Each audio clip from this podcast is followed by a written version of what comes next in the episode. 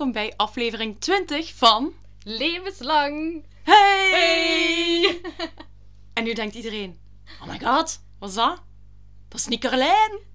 Wie is dat? Nee, voor deze aflevering zit er een vriendin van ons bij die wou eens mee komen opnemen. En Carlijn, die zit eh, lekker Playstation te spelen, dus die dacht een weekje verlof.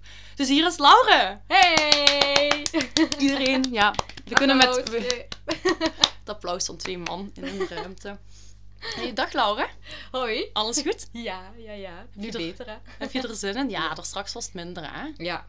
Hij had wat last van migraine en zo, maar Ja. je bent er toch nog geraakt voor de aflevering. Ja, ik was ook kei benieuwd.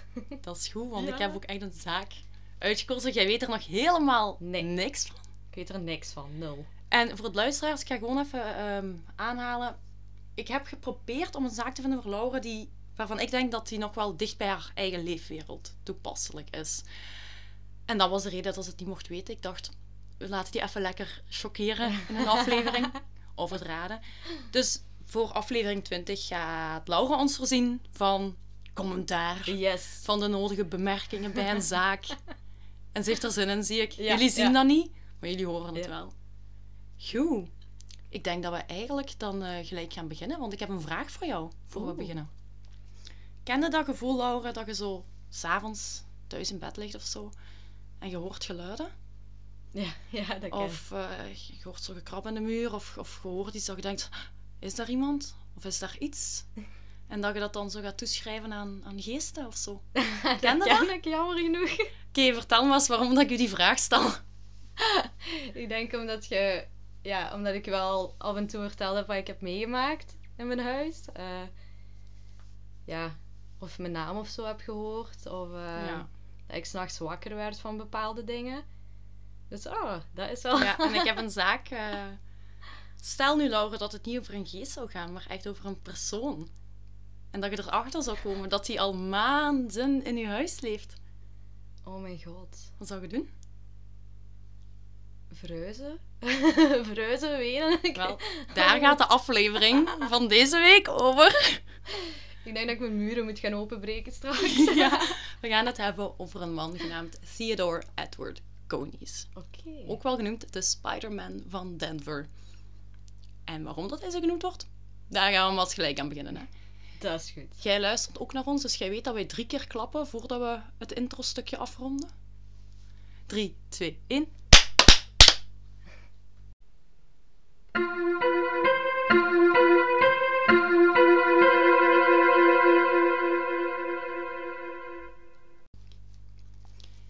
Theodore Edward Conies wordt geboren op 10 november 1882 in Petersburg in Illinois. Zijn ouders zijn Thomas H. Conies, die een Canadese immigrant is en een ijswinkel heeft, en Isabella Elan. En hij wordt geboren, het lijkt allee, in eerste instantie best wel een, een goed gezinnetje, maar wanneer dat Theodore nog maar vijf jaar is, overlijdt zijn papa op 1 juli 1888. Zijn mama die is erop verhuisd, samen met kleine Theodore, en die zijn naar een boerderij vlakbij Beloit in Wisconsin verhuisd. Daar hebben ze een tijdje verbleven. En dan in 1907 verhuisden ze uiteindelijk naar Denver, Colorado. Waar ze verbleven. En daar ging de mama werken als poetsvrouw in de Denver Democratic Club. Dus dat is een beetje hun leven. Alleenstaande mama werkt. Je had dan ook eh, Ja. geen broers en zussen, hè? Nee, voor zover ik weet heb ik niks van gevonden dat hij Oké. kind was. Ja. En Theodore die had eigenlijk vanaf kleins af aan al heel veel moeilijkheden. Hij had namelijk een heel zwakke gezondheid. Wat die zwakke gezondheid inhoudt, dat heb ik nergens kunnen vinden, geen één bron. Maar ik ga ervan uit, hij had heel veel gezondheidsproblemen. Hij was makkelijk ziek, hij had van alles voor. En dat was bij hem eigenlijk zodanig extreem dat, dat dokters hem en zijn mama meermaals vertelden dat hij niet ouder als 18 ging worden. Oh, dat, Dat is, acht- dat is ook heftig. Ja, dus dat, dat kreeg je hem wel te horen. En in die periode ja, had hij zoiets van: ja, ik ga geen 18 worden, dan ga ik ook mijn middelbaar niet afmaken. Want ik, Ja. ik ga toch het niet halen om mijn afstuderen mee te maken. Dus hij heeft dan nooit afgemaakt. Hij heeft nooit eigenlijk iets van school kunnen afmaken. En we zijn nu op een punt dat hij bijna 18 is. Wanneer dat hij een man leert, leert kennen, genaamd Philip Peters. Die is iets in de 20. Mhm. En die ontmoeten elkaar eigenlijk in een muziekclub. waar ze vinden, ontdekken dat ze dus een gezamenlijke passie hebben voor muziek. En dit was namelijk in een club voor gitaristen en mandolinesspelers. Oh, nee, daar ben ik niet mee mee, mandoline spelen. Nee. Ja, en daar hadden die elkaar ontmoet. En, en Philip was eigenlijk de eerste die dat hem behandelde als een volwaardig mens. Ondanks al zijn aandoeningen. En hierdoor kwam hij ook regelmatig langs bij Philip en op dat punt zijn, zijn nieuwe vrouw hè, bij hem thuis om daar gezellig te eten. Of we gingen dan naartoe wat te jammen met de mandolinespelers Ja. en de gitaristen. Ik zie het helemaal voor me. Ja, en dat had hem dan wel. Dat was eigenlijk zo het enige sociale contact wat hem echt had. Oh. Maar dat soort contact was voor hem ook ja, een beetje bitterzoet. Want hij, vond dat aan de ene kant wel, wel fijn. Hè? Hij had mensen waar hij terecht kon die hem begrepen. Maar aan de andere kant keek hij ook naar de wereld rondom hem alsof dat iets compleet anders was. Hij had nog nooit een vriendinnetje gehad door zijn gezondheidsproblemen. Hè? Zijn mama wou niet dat hem ging werken. Hij mocht niet sporten. Dus hij kon met heel veel dingen niet meepraten in die vriendengroep. En hoewel er dan toch net dat beetje sociaal contact was, vond hem dat eigenlijk op den duur meer te confronterend worden voor hem. Ja. En dan ook geen vaderfiguur. Inderdaad, dat was dat er ook niet eh, bij. Dus ja. die werd zo wel wat, wat verbitterd. Ondanks dat hem dan toch eigenlijk die ene hele goede vriend had met dat clubje waar dat hem wel dan in hoorde. Ja. En hij was, doordat hij niet kon werken, niet mocht sporten van zijn mama, wel een echte outsider in de groep. En op den duur begon hij ook in die groep er wel commentaar over te krijgen. Hè? Ik kan me dat zo totaal voorstellen. Oh, jij werkt niet. Oh, Ja. je hebt niks gedaan. Oh, boe, van mama mag dat niet. U ziet nu nooit als we dit doen. Ja, of- inderdaad. En door dat commentaar begon hij zich meer en meer af te sluiten. En uiteindelijk stopte Theodore ook gewoon met langsgaan bij, bij Philip en bij die vrienden. Hij stopte Oh. daarmee. Ja, ik, hij vond dat niet meer fijn. En intussen tijd, eigenlijk, ehm, nadat hij daar is weggegaan, één spoiler, hij zal, het zal nog jaren duren voordat hij dus terug naar Philip gaat. Dat gaat nog lange jaren duren. Maar hij stopt met daar langs gaan en dan valt hem eigenlijk een beetje van de ene crisis in een andere. En alles begon met de dood van zijn mama op 14 april 1911. Hij was toen 28 jaar. Die mama was dood, maar die was opgelicht geweest en al haar spaargeld en huis waren weg. Allee, verkocht door. Die was ze Oh, is kwijt. Dus die mama sterft en Theodore kan niet werken, heeft daar niks in, heeft geen diploma. En hij kan zelfs nog niet meer in het huis van zijn eigen mama wonen, want ja, die is bankroet verklaard door, door de scam ja. die is ingetrapt. ja, alles valt weer weg Ja. voor hem, hè? En, da- en hier ging eigenlijk alles in. En, en na haar overlijden besloot Theodore eigenlijk om een beetje de wijde wereld in te trekken. Als in Ja. Amerika. Hè? Hij werd trouwens op dit punt ook al een heel pak ouder als verwacht, want zijn mama sterft, hij is al 28. Hij is Ja. al 10 jaar ouder als ze verwacht hadden. En hij besluit dan van, ik ga proberen werk te vinden, ik ga wel zien waar ik uitkom. En na een tijdje lukt het hem ook om een reclamejob te bemachtigen bij de Denver Brass Works. Maar dit houdt hij niet heel lang vol. Hij kan het toch niet met zijn gezondheid. Het gaat allemaal niet zo goed. En hij wordt er eigenlijk al vrij snel ontslagen. En hierdoor wordt hem eigenlijk gedwongen om een dakloos bestaan te leven ten tijde van de Great Depression. Oh, dat ook nog. Dus dat zit er ook Oh. nog bij. Net in die tijden is hij dakloos. En hij reisde van Denver door naar Californië, waar dat hij onder een brug sliep. Zoals hij zelf zou vertellen later. Alvorens dat hij eigenlijk een beetje van staat tot staat ging trekken, totdat hij in New York aankwam. Oké. Ja, dus dat deed hij Dus over wat de jaren. doorreizen eigenlijk. Inderdaad. En in New York kreeg hij dan wel een job als een verkoper. En na een paar maanden was dat ook weer gedaan. Dat was het ook niet. Nee, daar, daar kon hem ook niet in mee met zijn gezondheid. Met, hij had natuurlijk geen studie, die had niks van Nee. echte social skills. Geen basis, hè. Maar ja, ook, ja, je werd verteld dat je gaat sterven op je 18. En dan blijkt dat dan niet te zijn. Maar eigenlijk heb je wel wat van je leven daarop gebaseerd. Ja. Ook, hè. Ja, dat is wel heftig. Ja, en dan die mama dat sterft en alles Ja. valt weg. En dan heb je ja, letterlijk niks. Niks meer. Niks meer. Ja. En hij ging dan inderdaad, hij werkte daar als verkoper, werd ontslagen. En dat was eigenlijk voor Theodore de laatste keer dat hij zich nog zou proberen aan te passen in de maatschappij. Hij had zoiets van telkens keer op keer word ik uitgesloten, zegt. Kort op- Er wordt om mij gelachen, het hoeft voor mij niet meer. En hij uit dan dat eigenlijk het enige wat hij op dat moment nog wou, was een plaats waar hij alleen kon zijn zonder de vooroordelen van anderen. Oh, Dat is zielig, hè? Dat is echt Heel zielig. zielig, hè? Het heeft echt geen goed begin. hè. nee. Hij leeft jaren zo, jaren. Want nu gaan we eigenlijk al voorwaarts de tijd in. We gaan naar 1 september, we gaan naar september 41, dan is hij 58 al. Hè? Oh, dat Zij is al een eh, heel pak ja. ouder. En al die tijd is hij dakloos. Hè?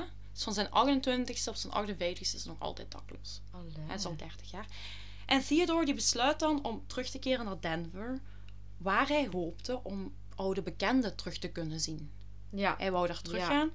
En natuurlijk, hij dacht meteen aan Philip Peters, hè, die op dat punt 73 al was. Hè, omdat dat inderdaad, zoals ik zei, de enige oprechte, eerlijke vriend was dat hem eigenlijk had gehad en dat hem heeft behandeld met oprechte vriendelijkheid in die jaren. Dus hij besloot om, om naar Denver te gaan. Ik weet niet hoe, als je niks hebt, deed hij dat te voet of een treinticket, ik weet het niet. Maar hij geraakte helemaal terug naar Denver. En hij ging naar dat huis. En dat huis lag op 3335 West Moorcreef Place. Hè, dat huis waar dat Philip toen ook al woonde. Ja. Toen pas gaan was gaan wonen. Hij gaat daar terug naartoe om aan te bellen. En bij zijn oude vriend. Maar niemand doet open. Er is niemand thuis. Hij belt eraan. Oh. Niemand is thuis. Nu, wat er nu gaat gebeuren, moet je even begrijpen. Die mensen die woonden in een heel veilige omgeving. Hè, weet je, het is ook de jaren 40. Heel veilig. Dus die mensen die deden hun, hun deur niet op slot. Nee, In nee. die tijd. Dat was niet. Dus Dat was bij veel gebouwen, veel huizen daar in de buurt, waren de voordeuren niet op slot. En Theodore die denkt, oké, die draait daar eens aan en die deur gaat open. En hij kan dus naar binnen in het lege huis. Ja, en kijk, hij ging naar binnen en zijn, eigenlijk zijn, zijn enigste ding was, hij dacht, ik kom wat eten, wat stelen, ik ga wat geld pikken en ik ga er terug vandoor. En dat is nog steeds Philips zijn huis, hè? Ja, ja, hij is, hij is in het huis van Philip. Hè? Hij loopt nu rond in het huis van Philip, terwijl Philip er niet is. Hè? Ja. En hij heeft zoiets van, ik ga alleen wat geld stelen en eten.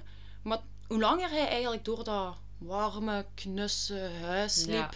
hoe meer dat hem zoiets had van, Dat is gezellig. ja... Hè, hij, hij, hij had ook zoiets van, weet je, ik ben bijna 60. Hè, zijn gezondheid was echt niet goed. Hij had al een zwakke gezondheid. En dan nog eens al 30 jaar op straat. Die dat ging er niet goed aan toe. En hij had zoiets van, de winter komt er weer aan. Ik ga dat niet overleven als ik nog eens buiten moet slapen. Dat gaat mij niet lukken. En hij had zoiets van, wel, mijn oude vriend heeft hier wel veel ruimte. Het is een Oh. mooi huis, genoeg kamers. Je ziet al waar het naartoe gaat Ja, gaan. ja, hè? ja, ik voel de vibe. Ja, dus Theodore die dacht, ik ga hier even komen squatten in dit huis. Hè, hij ging op zoek naar een, een, een goede verstopplek om gewoon heel even wat te rusten, was eigenlijk Ja. zijn bedoeling. Hè? En uiteindelijk vindt hij op het einde van het tweede verdiep een gang. En er is een kast en als hij die kast open doet, daarin is een luikje naar de zolder. Maar dat zolderluikje is op zijn grootst 20 centimeter breed. Oké, breed. ja. Ieder normaal persoon zou niet daardoor passen. Niet. Maar omdat hij zo mager was, zo uitgemergeld van altijd alleen maar restjes te kunnen eten, die paste daardoor. Ja. Dus die kroop naar boven in dat zolderkotteke, want het was echt een kotteke. Dat kotteke dat was namelijk maar ongeveer 70 centimeter hoog en 1 meter en 4 centimeter breed. Oh mijn god. Daar kroop hij, dat was het zolder. En zo'n kruipkop. Ja, een kruidkop op Oh, zolder. Hè? In plaats van een kruipkelder, een kruipzolder. Oké. En daar, daar ging hij in, hij paste daar dan in. Hij kon daar niet te goed in recht zitten, hij kon daar niet in liggen, maar toch viel hij daar in de beste slaap die dat hem al in jaren gehad had. Hij lag binnen. Ja. Hij lag gewoon binnen. En hè, lekker daardoor gekropen, geen één mens past daardoor en hij ligt daar te pitten. En terwijl dat Theodore dus ligt te slapen in dat zolderkotteke, Mhm. hoort hij hoe Philip thuis komt. En wat bleek, Philip was weg naar het ziekenhuis, want zijn vrouw was een tijd daarvoor van de trap gevallen en had haar heup geblesseerd. Dus die was aan het revalideren in het ziekenhuis. Dus Philip die ging elke dag weg om zijn vrouw te Ja, bezoeken. hè. bezoeken. Ook nog altijd diezelfde vrouw als toen dat ze wel nog contact hadden Oké. met Theodore. Dus wel een heel standvastig koppel. Ja. Ja, en in plaats van dat Theodore zich op dit moment kenbaar maakt en zegt: Hey, ken je me nog? besluit hij om muisstil te blijven daarboven in dat kotteke. En om zo lang mogelijk onopgemerkt in dat kamertje te kunnen verblijven. Oh, dus Philip dat is mocht daar creepy. niks van weten. Ja. Ja, en al heel snel eh, was het wel duidelijk: Philip die was ook al wat ouder aan het worden. Die zijn gehoor ging achteruit. Ja. Hè? Maar natuurlijk, Theodore met zijn slechte gezondheid, ja, het minste wat je dan hebt is wel een hoesje. Hè? Ja. Maar Philip, met zijn gehoorschade, die, die hoorde niet dat gekuch van, van Theodore, die daar op dat zolderkamertje soms moest hoesten, dus die hoorde dat niet. En Theodore die merkt dat op, dat hij niet alles hoort. Hè. En in het begin kwam Theodore eigenlijk alleen maar naar beneden om te eten, wanneer dat Philip niet thuis was, wanneer hij weg was. Dat was eigenlijk het enige moment Ja. dat hij zo wat restjes kwam pikken uit de koelkast. En... Maar Philip die hoort dus niet alles. En Theodore die begint zo wel wat riskanter gedrag te vertonen. Hè? En ik heb hier ook een eh, quote van hem. Hij zal later hier zelf over zeggen. Dat, eh, ga nu quoten. Telkens als ik hem beneden hoorde, hield ik, me, hield ik me heel stil. Dan werd ik brutaler en begon hem als een schaduw te volgen, van kamer naar kamer. Het was een soort spel. Het gaf me een kick. Het was de eerste keer in mijn leven dat ik iemand aan mijn genade over had. Maar ik wilde hem geen pijn doen. Dat zal hij hier later zelf over zeggen. Dat is heftig. Spoiler, hij gaat Philip wel pijn doen. Ja, ik dacht het al. Goed, daar gaan we nu bij komen. Hè? Oh mijn god. We zijn nu 17 oktober 1941 en Theodore die woont al vijf weken in dat kamerken. Hè? Oh, Al als je vijf al weken, vijf weken helemaal Ja. ongezien kunt. Hè? En, en die dag, die oktober, dacht Philip, eh, dacht Theodore dat Philip Mhm. weg was. Die hoorde niet en die dacht, die is naar het ziekenhuis. Dus Theodore die kwam naar beneden om eten te zoeken. Hè?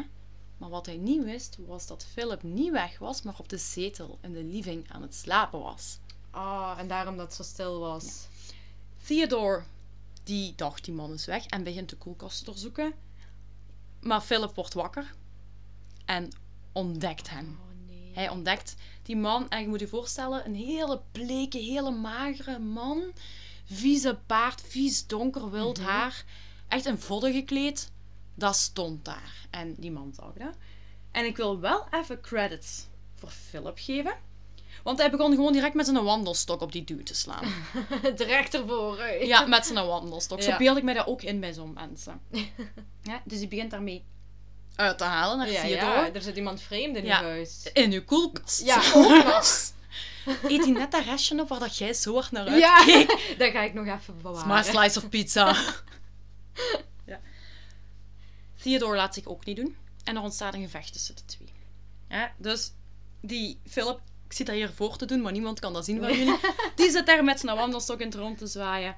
En Theodore die slaagt er op een bepaald moment in om een oud handgeweer te pakken, wat er ergens Oh. uitgestald stond. Hè, en hij begint met dat handgeweer op het hoofd van Philip te slaan. Oh, dat is heftig. Philip die vluchtte daarop naar de living, weg van de keuken. Mhm. En Theodore die volgde hem.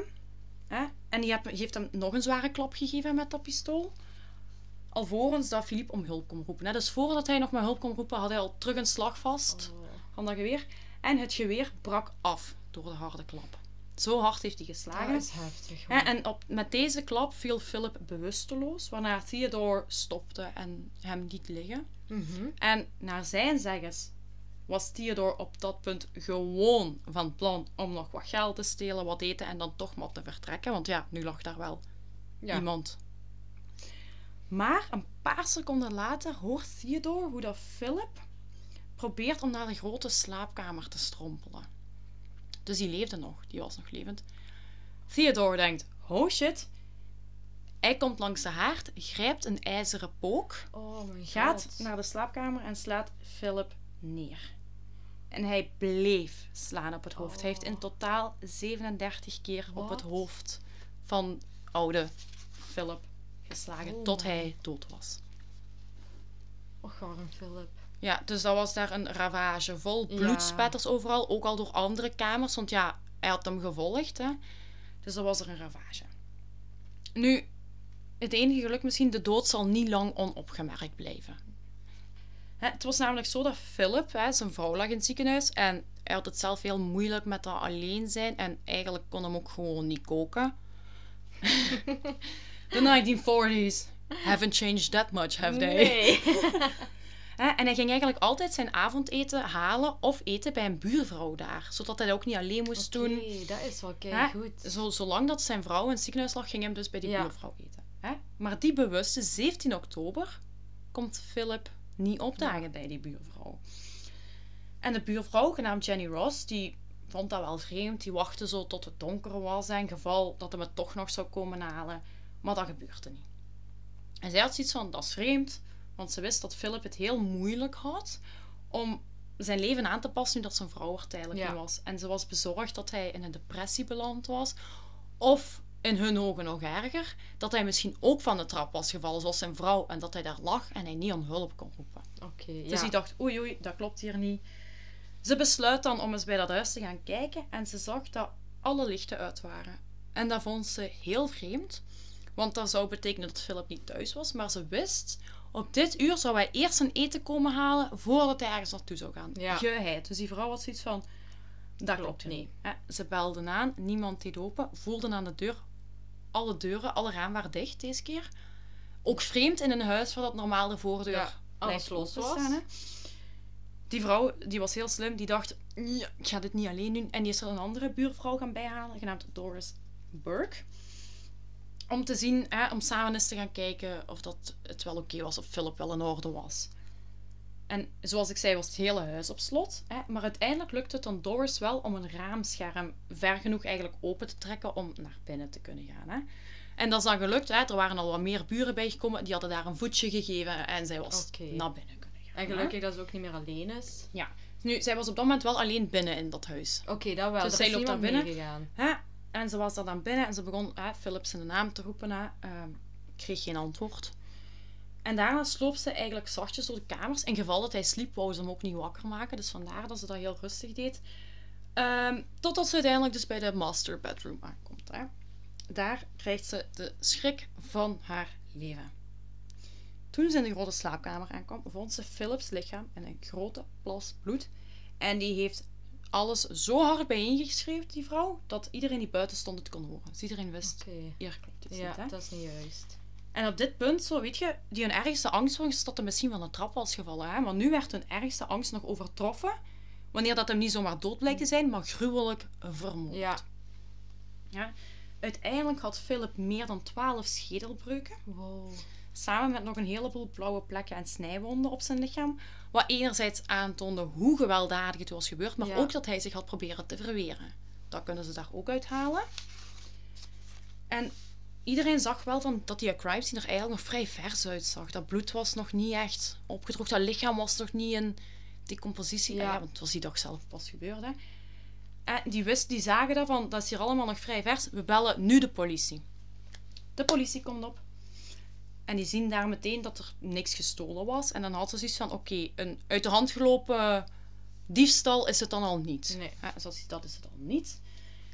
Ze keken ook nog eens naar zijn verwondingen. En daarvan bleek het dat hij zijn ergste verwondingen had opgelopen na zijn dood. Wat dus aanwees dat toen hij dood was, dat de, de moordenaar nog heel lang daarop is blijven doorgaan.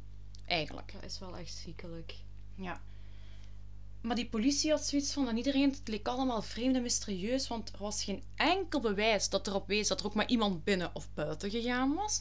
Er was niks geforceerd. Alle deuren en ramen die waren langs de binnenkant gesloten. Dus in principe kon er niemand binnen of buiten gaan. Dus zij, zij, zij hadden geen idee. Eh, en ze zijn dan wel eens door dat huis gaan kijken en tijdens het onderzoek hebben ze het deurtje gevonden dat naar het zoldertrapje leidde. Ze gingen er eigenlijk sowieso al vanuit dat er niemand door kon, maar ze hebben het ook eens willen omhoog duwen, maar dat zat op slot. Later blijkt dat Theodore daar gewoon op is gaan zitten, Ja. op dat moment. Hè, dus zij gaan ervan uit, er kan niemand door, maar op dat punt waren ze echt vlakbij de dader, want Theodore had zich gewoon na die moord terug verschanst Ik dacht op dat al. Hè? Dus dat gebeurt. Hè, de politie vertrok, hadden geen idee en dat onderzoek dat viel heel snel stil. Ze hadden echt, ja, er, waren geen, er was geen enkel spoor. Mhm. En ook in die jaren, DNA-bewijzen, zo, vingerafdrukken, Ja, dat was, nu. nee, voilà. Dus anders kon je nog zeggen van, wauw, daar zitten sowieso wel zijn vingerafdrukken. Ja, Ja. maar toen was dat allemaal nog niet zo ver. Ja? En wat gebeurt er hierna? Er gaan eigenlijk een aantal maanden voorbij na de moord. Die wordt niet opgelost, daar komt niks uit. En we komen op een punt dat de, dat de vrouw van Philip gerevalideerd is en terug naar huis mag gaan. Naar dat huis. Oh nee. Hè? Dat huis waar haar man was doodgeslagen en waar ze al samen wonen sinds 1899. Als dat al niet erg genoeg is, het feit dat je terug moet naar een huis waar je man vermoord is, Ja. waren er ook al ondertussen wat griezelige geruchten te ronde aan toen in de buurt. Het was namelijk zo dat het huis in principe leegstaand was Ja. tijdens de periode. Maar uiteindelijk was er een groep kinderen die zeiden dat ze lichten hadden zien flikkeren in het huis door de ramen. Wat in principe niet kan. En dan zegt de politie van, ja, dat kan nog verklaard worden. Kinderen hebben een heel, een heel actieve fantasie, die zien wel van alles. Maar een aantal dagen later was er een volwassen vrouw die verklaarde dat ze een geestachtig gezicht had gezien bij een van de verduisterde ramen. Dus nu had de politie zoiets van, oké, dit ligt niet aan overactieve fantasie, dit gaat om een volwassen vrouw. En in die buurt begon men te zeggen dat, dat er geesten in dat huis zaten. Het geest van Philip dat daar nog rondzwierf, alles. En ja, dat begon oh. wat. Maar die vrouw van Philip, eigenlijk super stoer, die had zoiets van: ben niet bang van een paar zogenaamde geesten. Ik ga gewoon terug naar mijn huis en ik wil in mijn eigen bed slapen. Ja. Goed gezegd, vrouw. Niet lang daarna valt ze weer van de trap en blesseert ze haar heup opnieuw.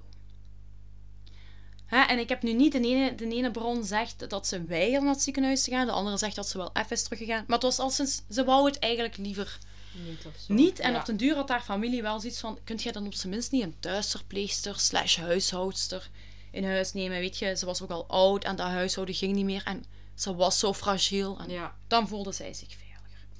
Geen trappen meer. Ja. En zo gezegd, zo gedaan. Daar komt een huishoudster. En die huishoudster die verbleef ook in dat huis. Want ja, zij woonde daar alleen. Er waren wel een paar extra kamers. En zij woonde daar. Maar die huishoudster begon al heel snel vreemde geluiden te horen. Alsof dat er gekrapt werd in de muren. En in de ochtend, als ze opstond, zag ze vaak dat er dingen verschoven waren in de keuken en zo. Oh. Die dingen, ze vond dat zo wel wat vreemd. Maar in januari 42 krijgt die madame eigenlijk pas echt de schrik van haar leven. Ja. Dus het is een avond en ze komt uit haar eigen kamer omdat ze een vreemd geluid hoort in het huis op een dag.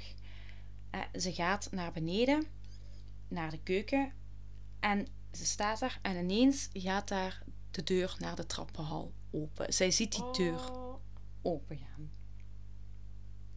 Om het in haar eigen woorden te zeggen, zoals ze verklaard heeft, en ik quote: Een paar minuten ervoor had ik een soort getok gehoord. Ik had het al eerder gehoord, maar ik dacht dat het gewoon spechten waren. Maar deze keer ging ik naar de keuken en zag dat de deur die naar de trappen leidt traag openging. En tot verschrikking kwam er langzaam een verschijning tevoorschijn. schijn. En om dan verder eh, haar te quoten. Een voet kwam tevoorschijn en toen zag ik een dunne, witte hand op de deur. Ik schreeuwde en de verschijning ging terug weg en ik hoorde hem de trap oprennen. Dus dit was gebeurd. Moeten we inbeelden, het is vrij donker. Ehm, hij is heel, heel slecht aan toe, heel bleek, Ja. heel mager. Dat kan er even goed voor mensen uitzien als een geest. Ja, ja, ja. Ja? ja, Ze heeft dat gezien en die vrouw denkt niet met mij. Die stelt haar ontslagbrief op en die zegt: Ik kom hier niet meer thuisverpleegster zijn. Die vertrekt. En die vrouw komt ook nooit meer terug naar dat huis. Hè. Die zegt tegen dat oud vrouwke: Jammer maar helaas, ik laat mij er niet opjagen door spoken. Oh, in was- plaats van te helpen of Ja, zo. ja, nee, nee, die, nee, die, die... nee die, was, die was hem even ketsen. Die was hem gewoon ketsen. Ciao. Hè, de politie werd wel nog gebeld en die is diezelfde nacht nog naar het huis gekomen. Vonden nog altijd niks. En klassificeerde het daarom als nog een geval van dwaas bijgeloof. Maar die politie begon er wel zo wat beu te raken. Zo van, Weer al. oh, weer al geesten, boe. Hè? Dus de oud-vrouwke zit er weer ook warm alleen. Maar nu was er wel een buurvrouw die dan zoiets had van, "Ah, dat is zielig, ik kan dat niet. Hè? En zij ging die taak opnemen en ging dan inwonen bij dat oude vrouwke. Het duurde niet lang eer dat er weer iets soortgelijks voorviel. Hè? Deze keer had de vrouw hè, die daar hielp, die buurvrouw, op een avond iets horen vallen.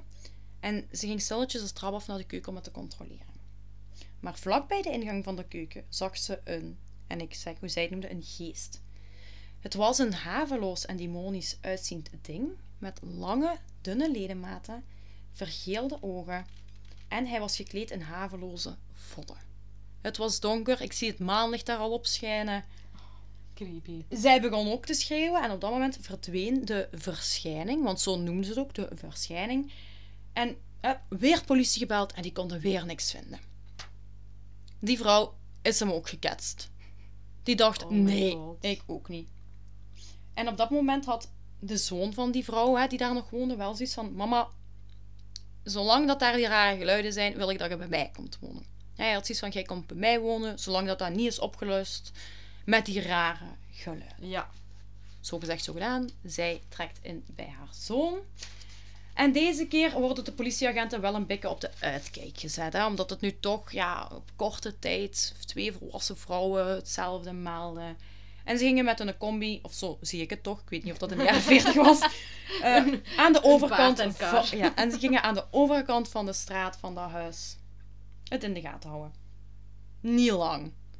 In sommige bronnen vond ik een korte tijd, in sommige vond ik wel geteld twee dagen en twee nachten. Mooi. En die hadden er toen al genoeg van. Hè?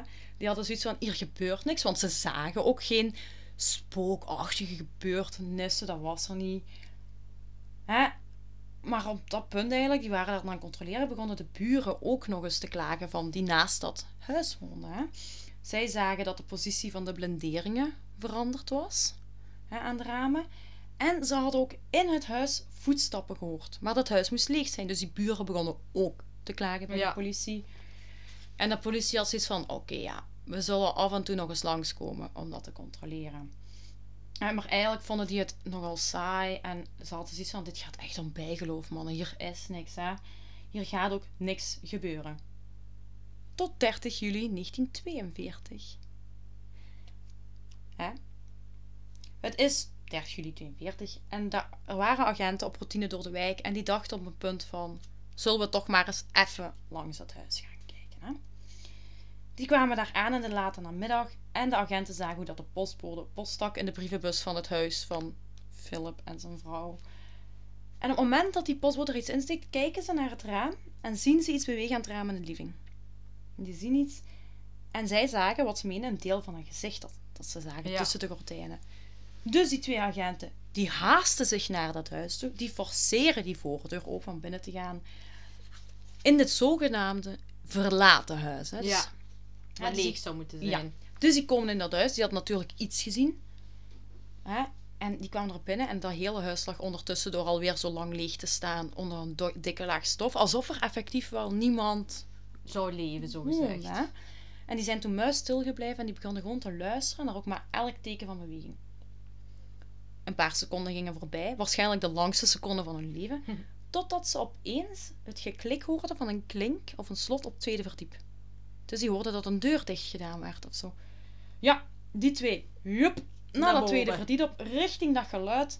En dat geluid was afkomstig van een kastdeur op het einde van de gang.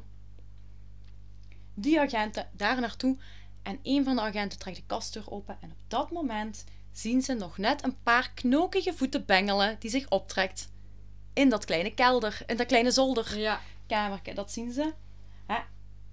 Die proberen te achtervolgen door die kastdingen. Hè? Nu, zelf konden ze niet in die zolder, Nee. want daar paste een gewone mens niet in. En een van de twee agenten, genaamd Roy Bloxham, die sprong dus in die kast, reikte door dat luik naar boven. Hè? En eerst had hij een stuk van, van de broek vast van de onbekende man voor hun. Hè? Daarna greep hij nog eens en trok hij hem aan de man aan zijn enkel uit dat gat heen. Hè? Die, die persoon die er eigenlijk ook wel geestachtig uitzag, die liet daarna een door, doordringende kreet, echt zo'n kreet door merg en been, Oh. en viel op de grond en hij was bewusteloos. Onze vreemde Theodore. Theodore. Eh, die Dat was bewust. En die agenten die zagen dus dat het helemaal niet om een geest ging. Het ging hier gewoon om een mens van vlees en bloed. Hoewel ze wel zeggen dat hij er wel uitzag als een levende Ja. dode. Hij was uitgehongerd. Zodanig mager dat zijn botten uitstoken over zijn hele lichaam. Hij had lang wild haar, een smerige baard en de kleren op zijn rug waren aan het wegrotten. Dus dat is niet dat hij daar heeft gezeten en volgens mij gebruik heeft gemaakt van een douche en zo. Die zat effectief daar verstopt, Ja. opdat niemand het kon. Ik denk ook als je gaat douchen, dat mensen echt wel, als ze iets horen, ja, Dan weet je het direct. je ja. moet je stilhouden als je dat doet, hè. Goed. Dus die zagen dat dat een mens was. hè. Ze hebben dan een ambulance gebeld. En terwijl dat die ambulance op weg was, stak dan een van de agenten zijn hoofd door dat luik om eens te kijken op dat zolderkamertje. Het was dus piepklein, zoals ik zei, net geen 70 centimeter hoog, net geen 104 centimeter breed. En echt maar mensonterend. Zo te zien woonde die man, onze Theodor, er al een tijd. En tegen dit punt, hij woonde daar al negen maanden op dat klein zolderkamertje. Dus daar negen maanden, hè. Maar dat ook zonder te vinden en zo vaak langs geweest, de politie, dat is toch Ja, gewoon omdat daar in principe een mens Ja. niet zou doorpassen. Dat, dat was op zijn breedst, was die opening 20 centimeter. Ja, Daar past, daar past gewoon je niet normaal niet door, hè. hè? En ze zagen dan dus dat daar op de grond een, een strijkplank lag. Dat diende als bed. En daar lag dan vuil beddengoed goed op en oude tijdschriften. En er hing zo één klein lampje zo. En dat hing vol met spinnenwebben. Dus ook duidelijk dat hem daar dat ook niet afkuiste. Maar goed. En de stank daarbinnen was zo, zo overweldigend dat die agent echt niet lang aankon. Die heeft even gekeken. Terug naar onder. Dat was gewoon walgelijk. Dus die komt er. Huh, niks voor mij. Hij keert terug. Ja, die man ligt daar nog bewusteloos. Maar die konden eigenlijk niks doen. Zolang dat, dat hij bewusteloos was. En intussen dat een ambulance komt, bel, bellen die agenten naar een kapitein genaamd James Childers. En deze agenten zeiden dit, en ik quote. We hebben de vreemdst uitziende man tegengekomen die dat ik ooit heb gezien. Hij was een lange man, net geen meter tachtig, maar zo mager als een verwelkte struik. Zijn vuile haar hing laag over zijn oren en zijn huid was het lelijke, ongewassen grijs van een bewolkte hemel. Beeldspraak wel top, ja? Ja. Mooie beeldspraak, hè? Je huid ziet eruit als een donkere hemel. Ja. Als een verlepte is, struik. eh, Heel mooi, hè? En later zullen ze Theodore ook de bijnaam de Spider-Man van Moncrief Place geven. En dit nadat een rechercheur genaamd Fred Zarno hè, met het onderzoek had verklaard hoe klein dat die kruipzolder was en dat, ik quote, een man een spin moet zijn om het daar lang uit te houden. En Fred was ook namelijk de eerste die de zolder volledig inging, omdat hij de kleinste was van het korps. Dat was gewoon de reden. Hij mocht er naar binnen. En hij, hij, hij heeft ten eerste moeten overgeven van de stank. En toen dat hem beter kon kijken, ja, je had daar dan wel die strijkplank, alles. Maar nu zag hij dat er ook blikken vol eten langs de muur opgestapeld stonden. En de lege blikken langs de muur, die werden gebruikt om zijn behoefte in te doen. Oh, langs twee kanten. Dus, dat stonk daar verschrikkelijk. Dat was uitwerpsel opgestapeld van negen maanden. In een kamertje, Sully. in een kamertje dat, dat nog geen vierkante meter groot is, om Oh zo te God. zeggen. Hè? Dan zagen ze ook dat daar een zelfgemaakte radio stond en een stopcontact dat was omgeleid van de hoofdvoeding van het huis. Dus dat hij daar toch zijn lichtje had, zonder dat dat opviel. Hè? Eh, Tegen de tijd dat ze dit allemaal hadden bekeken, was voor hun de onbekende man naar het ziekenhuis gebracht en moesten ze wachten tot hij bijkwam. Hè? Om Ja. zijn identiteit te achterhalen. Hè? En toen hij bij bewustzijn kwam, kwamen ze dan ook achter dat het om onze Theodore Ja. Edward Conies ging. De Dat was Theodore. de Theodore. En ze begonnen met hem te praten en ze waren eigenlijk wel verrast over hoe meegaand hij was. Hè. Hij, hij, hij, hij was eigenlijk heel meegaand. Maar in het begin ontkende hij wel dat hij ook met iets mee te maken had. Nu ja, die agenten die keken eens naar die man. Uitgehongerd. Kou. Een aantal maaltijden en een paar hete koffies later heeft de man alles bekend. Zo zou ik ook zijn, denk ik. Ja. Hij begon alles bekend. Hè. Hij vertelde daar dan ook dat hij op de zolder is blijven wonen na de moord, omdat hij bang was om te vertrekken. En ik quote wat hij zegt: Ik heb dagen niets gegeten, maar ik was in leven. Ik was bang om te vertrekken omdat ik wist dat ik een man had vermoord. En dan ook eigenlijk zijn enigste vriend, wat hij ooit in het leven heeft Ja, wat hij echt heeft gehad. Hè, ja. en, en wat ik me dan ook afvraag van, toen die man niet thuis was, waarom heb je dan niet gewoon gewacht tot Ja. die thuis is? Dat vraag ik mij ook, want als de Egge gaat speciaal terug naar daar om die connectie te maken. En ja, dan snap ik niet dat je inderdaad niet even wacht en zegt van kijk, ik ben het, 30 jaar later. Ja, kunt jij mij even uit de nood Ja. helpen? Want die mensen hebben dat altijd gedaan gehad. Ja, Maar nu had hij dus eigenlijk inderdaad een enigste vriend die hem ooit heeft gehad, heeft hem vermoord. inderdaad. En dat vind ik zo, ja. Maar dan moet je denken, ja, hij heeft ook nooit eigenlijk te goed menselijk contact gehad. Hè? Want Hij heeft, hij heeft ook nooit geleerd hoe dat hij dat... Of hoe dat hij met mensen moest omgaan. Hij heeft ook alleen Nee, maar inderdaad. lelijke gezien, hè. Ja, Wat het niet goed praat, een moord nooit. nee, inderdaad. There maar- are no excuses. Je ziet maar als je, ja, je basis... Allee, gelijk zijn mama hield hem weg bij bepaalde sporten. Hè, want zijn gezondheid, Ja. je wordt niet ouder dan 18. Dus je ontwikkelt dat kind al op een bepaalde manier. En dan gaat dat gewoon... Ja, dan krijg je dit. Ja, en dan- dat is dan- niet... Hè, hij, hij was misschien in leven, maar hij had niks Nee. om voor te leven. Hè. Nee. Dat is zo. Maar goed, hij bekende alles. En Ja. als we dan kijken, eh, er komt natuurlijk een rechtszaak. En Theodore die moest terecht staan voor de moord. En op voorhand wordt hij even onderzocht door een psychiater om vast te stellen of hij wel bekwaam genoeg was om terecht te staan. En de psychiater verklaarde dat Theodore geestelijk gezond was. Het proces was gepland voor 21 september 1942. Maar Theodore die werd eigenlijk toen met spoed naar het Denver General Hospital gebracht, waar dat hij bijna bezweek aan de gevolgen van een longontsteking. Oeh. Dus die hebben ze zo er wel nog net door kunnen Ja. halen. Om dan gewoon naar de rechtszaak te sturen. Die werd dan verplaatst. Like En uiteindelijk wordt Theodore ook veroordeeld tot een levenslange gevangenisstraf voor de moord op Philip Peters. Hij verbleef hierna in de Colorado staatsgevangenis. En hij was hier een modelgevangene, zeggen ze echt.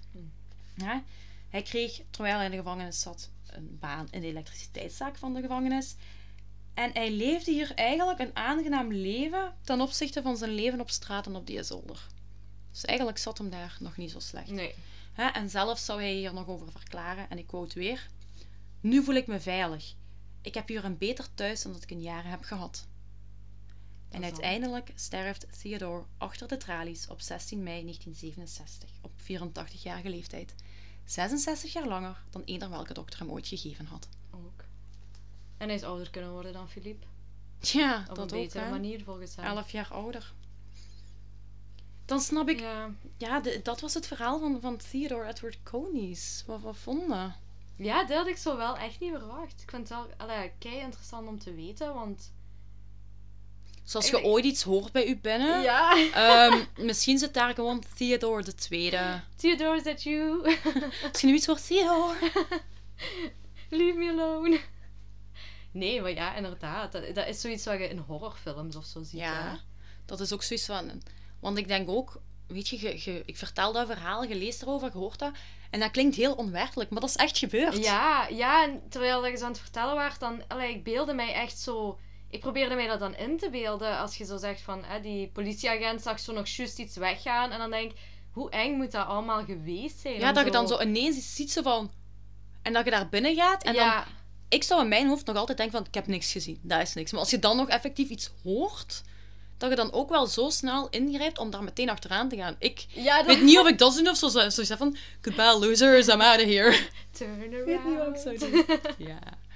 Dat is ook een zielig verhaal, hè? Het is eigenlijk ook heel sad. Ja, ja, ik vind het echt sad. Want uiteindelijk, als Philip Theodore nooit had ontmoet in zijn leven, had hij gewoon... Dan was dat ook nooit Ja. gebeurd. Hè? Als hij eigenlijk die goedheid Ja, inderdaad. niet had getoond. En ook, weet je, daar heeft 30 jaar, 30 jaar Ja. nadat hij die heeft, heeft gezien voor de laatste keer, is hem verdwenen. En na 30 jaar komt hem daar terug. En Omdat hij zo'n grote impact heeft gehad op Theodore. Ja, omdat, omdat hij, hij had eigenlijk, hij moest mensen hebben die hem konden helpen. En dat waren een van de enige mensen die hij kende Ja. van vroeger. Dus hij, hij ging ervan uit met de goodwill van hun dat die hun misschien konden helpen. Maar wacht dan toch ook totdat hem thuis is. Inderdaad, dan ga je niet verstoppen. nee heb je een en- ja kunnen krijgen, maar... En het is ook, ja, er moet toch iets als je iemand op zo'n gruwelijke manier vermoordt. Ja, en zo, met zoveel geweld en Ja. zoveel nog na, Inderdaad. na het overlijden al. Ja, dat is... Dat vind ik toch ook wel erg. En ook chapeau, want die man is zelf oud en, en Ja. zwak. En dan... ja, dat is die vind- adrenaline waarschijnlijk. Van, be- van betrapt te worden en het licht dat uitgaat en, en ja, niet weten wat je doet, zeker. Inderdaad. Want ook Ja. allee, het feit dat hij gelukkig is in een gevangenis, het feit dat hij negen maanden in een kruipkotteken heeft gezeten waar dat wij nog niet recht in kunnen zitten, dat is hard. Ja. Maar dat is niet zo hard als iemand vermoorden. Nee, nee, nee, nee. Nee. En dan vind ik het wel erg om te horen dat hij het goed heeft gehad. Ja, Achteraf ergens nog is dat zo. Ergens denk je dan, oh, hij, hij, hij verdient misschien wel eigenlijk een soort dak boven zijn hoofd, maar Mhm. tegelijk Niks goed. Of ja, ja, Ja. ja. dat verdient het. Meestal, meestal sturen ze mensen naar de gevangenis en hoop je die gaan het daar echt wel pikken afzien. hè? Ja, die gaan daar moeten nadenken over een daad en die gaan er niet meer als kunnen.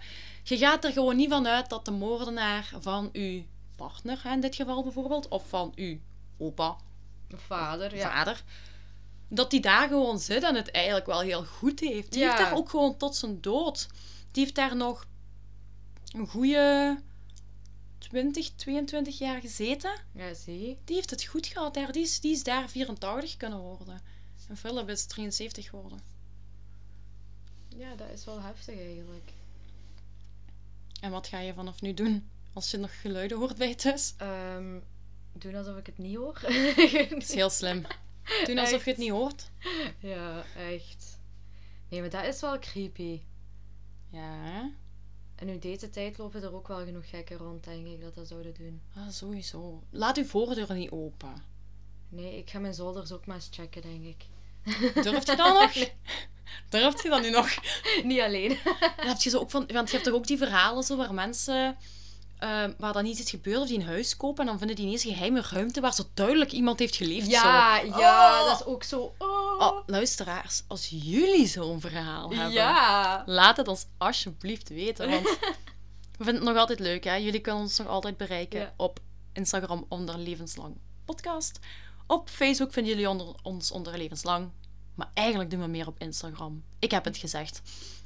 En jullie kunnen ook nog altijd een mail sturen naar levenslangpodcast.gmail.com voor jullie bedenkingen over de zaak. Wat jullie van Laura vonden. Ja. Moet ze nog eens terugkomen voor een aflevering? Ik verwacht nu al iedereen zo, ja. Maar dat weet ik natuurlijk niet. nee. Nee. Willen we niet. En volgende week zal het wel terug Carlijn zijn. Dus voor zij die Laura vast willen, sorry. Voorlopig zit dat er niet in.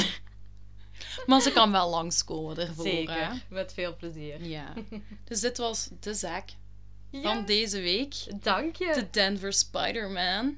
Ja, nee, die ik ook nog nooit van gehoord. Dus. Ik had er ook nog nooit van gehoord, maar ik, ik, ik had het, ik weet nog niet, ik heb het aan jullie luisteraars denk ik nog niet verteld, maar ik had ze opgezocht van eh, people who live in each other's houses and you hear noise and then they die. Zoiets had ik opgezocht. Ja, want ik dacht eigenlijk echt dat het gewoon over een geest ging gaan of zo, hè? Ja. Iets met spoken wat gewoon zo uit de hand Ja, het is paranormale zo, ja. ja. Maar nee, dit is ook wel echt... Maar dit was een eh, beetje een combinatie, hè. Je ja. hebt zowel het geestenaspect, maar als het dan uiteindelijk gewoon effectief een persoon blijkt te zijn. Ja, toch creepy, En dat ook die vrouwen in het midden van de nacht dus gewoon recht daar tegenover hebben gestaan. Ja, en ja, dat die het overleefd hebben. Goed. Dat wel, hè. Kijk, Heel goed. Ja. Ja. Geluk, er hadden veel meer doden kunnen vallen. Maar één doden is ook te veel, hè, hierin. Inderdaad, zeker op zo'n manier. Inderdaad. Maar goed. Die is al alleszins nooit meer komen inbreken. Dus hij zal op Nee. uw zolder niet zitten. Die is al even eh, de pijp Misschien is uit. het een andere Theodore. Nee, dat is goed. Zo, lieve luisteraars, hier gaan we het bij laten. Dan horen wij jullie heel graag volgende week terug. En vergeet niet dat vandaag, het is woensdag als jullie dit luisteren, op de eerste dag. Ik ga ervan uit dat jullie allemaal luisteraars zijn die de eerste dag gelijk luisteren. Dat jullie heel dedicated zijn.